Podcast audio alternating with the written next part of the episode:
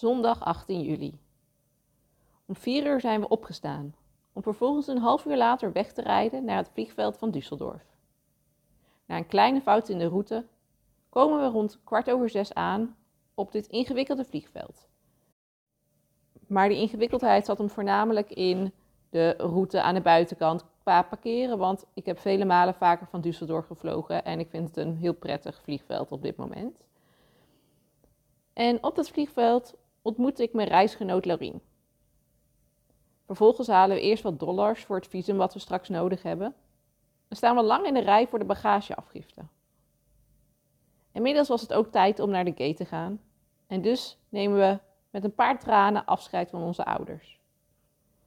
Eenmaal in onze KLM Cityhopper kreeg me een drankje en een koekje en heb ik wat gekletst met een jongen die ook via een andere organisatie vrijwilligerswerk gaat doen. Na een vlucht van 35 minuten over Nederland komen we aan in Amsterdam.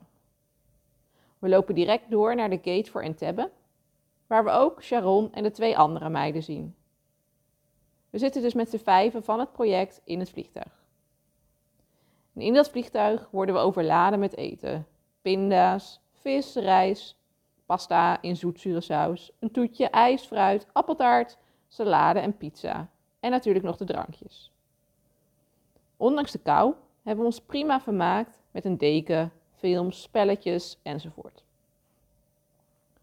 Mijn aankomst in Entebbe was het tot onze verbazing al donker. Het was half acht avonds. In de zomer.